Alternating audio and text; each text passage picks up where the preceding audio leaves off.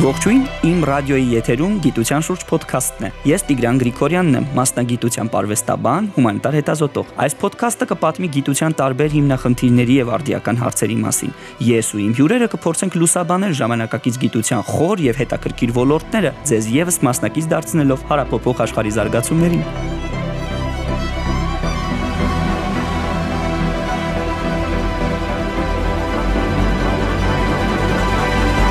Ողջույն, հարգելի ռադիոլսող, իմ ռադիոյի եթերում գիտության շուրջ զրույցն է։ Ես Տիգրան Գրիգորյանն եմ։ Այսօր իմ հյուրն է փիլիսոփայության հետազոտող Զավեն Տոնոյանը։ Թեման իհարկե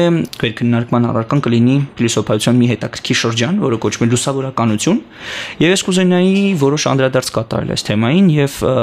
հասկանալ ընդհանրապես այս մեծ հասկացության ամբողջ բովանդակություն։ Իհարկե, շատ լայն թեմա է ու որպես այդպեսին ընդգրկում է պատմական որոշ ժամանակաշրջան ու եթե ցանկանանք պատասխան տալ, թե ինչ է լուսավորությունը, որպես այդպեսին կոնկրետ պատասխան ինքը չունի, քանի որ հենց ակունքներում, այսինքն երբ որ արևմուտքում ձևավորում էր լուսավորականության շրջանը, այդ հարցի պատասխանը փորձել են տալ Էմանուել Կանտից սկսած մինչև նախորդ տարի ֆրանսիացի մտածող Միշել Ֆուկոն այսինքն ինքը հարցը որպես այդպեսին թե ինչ է լուսավորությունը հենց լուսավորության հասկացության մասն է կազմում ու Ֆուկոն շատ հետաքրքրական դիտարկում է անում, որ այդ հարցը նույնական է ինչ է ժամանակակից փիլիսոփայությունը հարցին։ Օրինակ Կանտը սահմանում է լուսավորությունը, այսինքն այդ 1784 թվականի հոդվածում, որպես ելք անչափահասության վիճակից, սա նշանակում է առաջին մարդկային մտածողության, հա, եթե կարելի այդպես ասել։ Հա, առաջին հերթին հենց բանականության համատեքստում, այսինքն անչափահասությունը մի վիճակ է ըստ Կանտի, որում մարդը գտնվում է սեփական մեղքով, այսինքն անչափահասությունը վիճակ է, որտեղ ինքնուրույն որոշումներ կայացնելու առումով դու ապահովագրված ես կարելի ասել եւ ունես աշխարհայացք արդեն քեզ փոխանցված ժառանգականորեն եւ այս առումով լուսավորականության առանցքային գործառույթներից մեկը հենց քննադատությունն է որպես մեթոդաբանություն աշխարհընկալման սկզբունք, որը կարծես դուրս է դնում իրեն պատմական ընթացքից եւ խնդիր է ունենում վերարժևորել ընթացքը, այդ ընթացքը։ Ես այստեղ մի փոքր լրացում, հա, եթե փորձեի ձեր միտքը շարունակելու։ Խնդիրն այն է, որ լուսավորականությունը որպես այդպեսին ոչ միայն փիլիսոփայական մեծ հասկացություն է, որի շուրջ կան բազմաթիվ ձևավորված խոսույթներ եւ քննարկման տարբեր ժամանակաշրջաններ, այլ թվում մարդկության պատմության քաղաքական անցյալի եւ միևնույն ժամանակ նրա հավաքական հիշողության մի մեծ շրջան, որից սնվում են նաեւ ոչ եվրոպական ժողովուրդները։ Խոսքս վերաբերում է մասնավորաբար հայկական լուսավորականությանը, որովհետեւ սա մի շրջան է, որը բավական ընդգրկուն հետ կա թողել մեր մշակույթի պատմության մեջ եւ կուզենայի որոշ անդրադարձ կատարել նաեւ հայկական մշակույթի առանցքին։ Առհասարակ լուսավորականությունը քաղաքական առումով դիտարկելը ինքնին հետաքրքիր մոտեցում է, քանի որ արևմուտքում ձևավորվելով լուսավորականությունը ինքը միևնույն է բազում դրսևորումներ է ունեցել։ Օրինակ Ֆրանսիայում հենց քաղաքական առումով շատ ցայտուն օրինակ է ֆրանսիական լուսավորականությունը, բայց հայկական փորձառությանը վերադառնալով երևի առանցքային դեր է խաղացել գերմանական մոդելը լուսավորականության իրենց փորձառությունը, որտեղ շեշտադրվել է հիմնականում մշակույթը, այսինքն արդիականության հարցը լուսավորականության համատեքստում նույն քննադատությունը ժամանակի ընկալումը եւ ինչի համար է գերմանականը այս դեպքում շատ կարեւոր, քանի որ մեր լուսավորականությունը, եթե մասնավորեցնեմ արևելահայ լուսավորականությունը, ծնունդ է առել 19-րդ դարում, երբ մենք այս տարածաշրջանը դարձել է ռուսական կայսրության մաս եւ ռուսականը իր հերթին այդ ժամանակաշրջանում որպես օրինակ հիմնականում դիտարկում էր գերմանական լուսավորականությունը Եվ որովհետեւ ռուսական կայսրությունն ամբողջովին ընթորինակում կամ եթե կարելի ասել կրկնօրինակում էր գերմանական կրթության եւ մշակույթի համակարգը որպես այդպեսի։ Ինտերպրետացիայի խնդիր ավելի շատ ոնց որ առաջացած լիներ այդ ժամանակ ու հենց մշակութային, որովհետեւ ինքը ի վերջո կայսրություն էր եւ քաղաքական առումով լուսավորականությունը այդքան էլ պաստավոր չէր լինի կայսրության համար։ Քաղաքական շահերի չէր ծառայում։ Հեղափոխություն եւ այլն։ Նաեւ այդ պատճառով ոնց որ մշակութային ֆիքս ֆիքսացիան, այսպես ասած, առաջնահերթություն է դառնում։ Բայց շատ առանցքային ու հետաքրքրական է նաև այն հանգամանքը, որ գերմանական լուսավորությունը 19-րդ դարում, երբ որ մեր առաջին լուսավորիչներից Աբովյանը, Նազարյանցը գնում էին գերմանական համալսարանում կրթություն ստանալու, որպիսի վերադառնային եւ լուսավորեին արևելքը։ Մի հետաքրքիր բան է տեղի ունենում այդ ժամանակաշրջանում շատ առանցքային դեր ուներ գերմանական մշակույթի համար վիպապաշտական շարժումը, ռոմանտիկական շարժումը եւ դա իր ազդեցությունն ու հետքներ ունենում լուսավորականության ընկալման վրա, որը որը վերամեկնաբանվում էր նույն Աբովյանի, նույն Նազարյանցի կողմից եւ 19-րդ տարի երկրորդ կեսին, երբ որ ձևավորվում է եւ մեկնարկ է տրվում լուսավորությանը իր գործառույթներով հանդերձ, այսինքն աշխարհիկացում,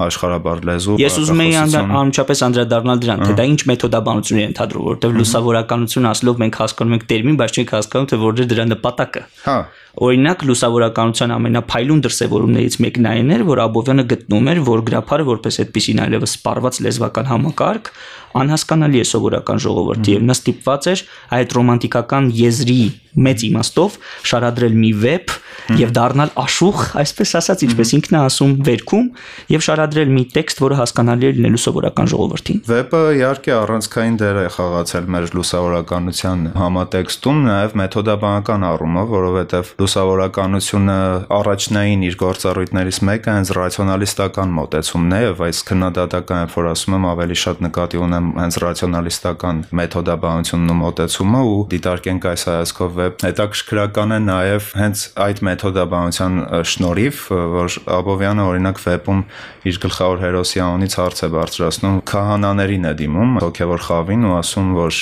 ժողովրդին վնասում են խորհուրդ տալով ոնց որ զսպել անարդ արդարության զգացողությունը, որպեսզի հետագայում արժանան լավ կյանքի ավելի, այսինքն դրախտին։ Երկնային արքայության։ Հա, երկնային արքայությանը։ Ու սա որպես մոտեցում ինքը հենց լուսավորական, շատ լուսավորական մոտեցում է, հետո ինչ հետո արդեն կզարգացնեն Նազարյանցը, Նալբանդյանը, բայց ինձ թվում է մեր այս փորձառության մասին խոսելու ամենաառանցքային բանը, որ ես անձամբ կցանկանայի նշել, դա իր հակասականության մեջ այդ փորձառությունը դիտարկելն է, այսինքն ինչ նկատի ունեմ հակաս դասականություն ասելով Նազարյանցը որպես այդպիսին առաջին ուսանողն էր Տորպատյան, հա, Աբովյանը ազատ ունկնդիր է որպես այցելել ու Նազարյանցին հենց ռուսական կայսրության քաղաքական գործիչների կողմից շնորվել է արևելքի լուսավորիչ Տիտխոսը Տիտխոսը ու Նազարյանցը մի սկզբունք է ворթեգրել լուսավորել արևելքը առնվազն իշտ տեքստերից դա կարող են ենթադրել լուսավորել արևելքը քննադատելով արևելքը այսինքն իր հյուսիսափայլ ամսագիրը երբ որ լույս տեսավ որպես առաջաբան դիմում էր ժողովրդին ու ասում ասիացի հայ եղբայր այսինքն ու այդ ասիականությունը ասիացի լինելու հանգամանքը որպես բացասական երևույթ շեշտադրում Իդեպ այս կապակցությամբ մի բան էլ ասեմ գնահատելով արժանիորեն հյուսիսափայլի դերը եւ միևնույն ժամանակ լուսավորականության դերը սա թերս արևելա հայոց ինքնության կերտման ամենակարևոր պայմաններից մեկն էր որովհետեւ ըստ էության մեր նոր նորագույն պատմության գլխավոր խաչուղին հենց այս քաղաքական երկու երկխոսության առաջ գալն էր, փիլիսոփայական երկխոսության առաջ գալն էր, որովհետև լուսավորականությունը ըստեյության հիմք դրեց մեր ինքնությանը, պետության ունենալու ցանկությանը, միևնույն ժամանակ ինքնուրույն մշակույթ ունենալու ցանկությանը, հետ վերադարձին սեփական լեզվին, քերականությանը հա։ եւ դրանց կատարած դերը հսկայական էր իրականում։ Իհարկե, ինքնության արդիական չափանիշներին, այսպես ասած, համապատասխանող ինքնության գործում դա ֆունդամենտալ դեր է ունեցել եւ հենց այդպես էլ իրենք նշում էին, որ սա ազգաստեղծման գործընթաց է։ Այսինքն կար կոնսոլիդացիայի խնդիր որպես ազգային միավոր ձևավորվելու եւ կար նաև հակասականությանը եթե նորից վերադառնանք, կար նաև վերաիմաստավորելու խնդիր 5-րդ տարը, բայց այնպես վերաիմաստավորելու, որ տարբերությունը զգացվի իրենց եւ օրինակ նույն Մխիթարյան միաբանության միջև։ Այստեղ կարևորագույն հանգամանքը ըստիս այդ ժամանակաշրջանի կոնտեքստում գոնե այդ մեկնաբանելու հարցն էր, այսինքն մեկնաբանել, որpիսի արդիացնել մի ժամանակաշրջան, որտեղ մենք ավելի մոտ էինք արևմուտքին։ Սա սկզբունք էր, սա մեթոդաբանություն էր ու սա լուսավորական սկզբունք էր էլի առաջին հերթին։ Եվ ամենակարևոր հիմնադրույթներից էր։ Լուսավորականության այս 3 խոշոր դեմքերին քան որ անդրադարձանք, վերջին ամենամեծ եւ ամենակարևոր հեղինակներից մեկի, ես միշտ հիշում եմ նրա աշխատությունը երկրագործությունը որպես ուղիղ ճանապարհ։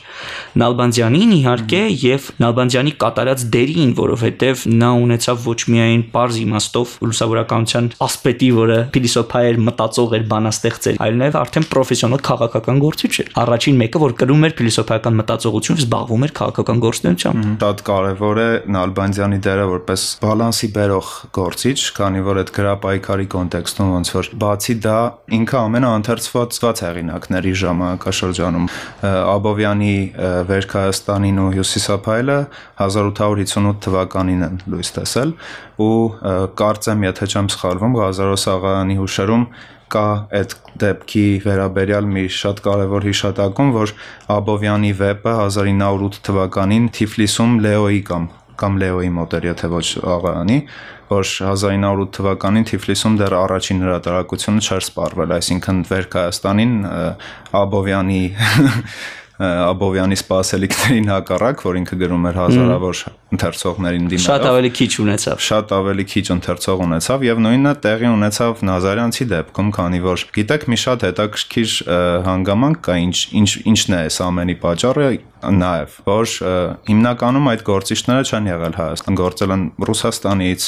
չգիտեմ, Խիթարյան միաբանության դեպքում Վենետիկից ու հենց այս լուսավորականությունը մեր լուսավորական փորձառության համար շատ առանցքային կետ է սա, որ լուսավորել են լուսավորիչները տարածաշրջանից դուրս։ Այո, այս առումով իհարկե նյութը անսպառ է եւ կարելի է անդադ անդրադառնալ, սրանք մեծ քննադատության, ուսումնասիրման եւ հետագայում խոշոր աշխատությունների նյութ կարող են դառնալ։ Ուրախ եի, որ իրուն կալվեցիք։ Շնորհակալություն։ Ես Տիգրան Գրիգորյանն եմ, իմ հյուրն էր փիլիսոփայության հետազոտող Զավեն Տոնյանը։ Մեր թեման էր լուսավորականությունը։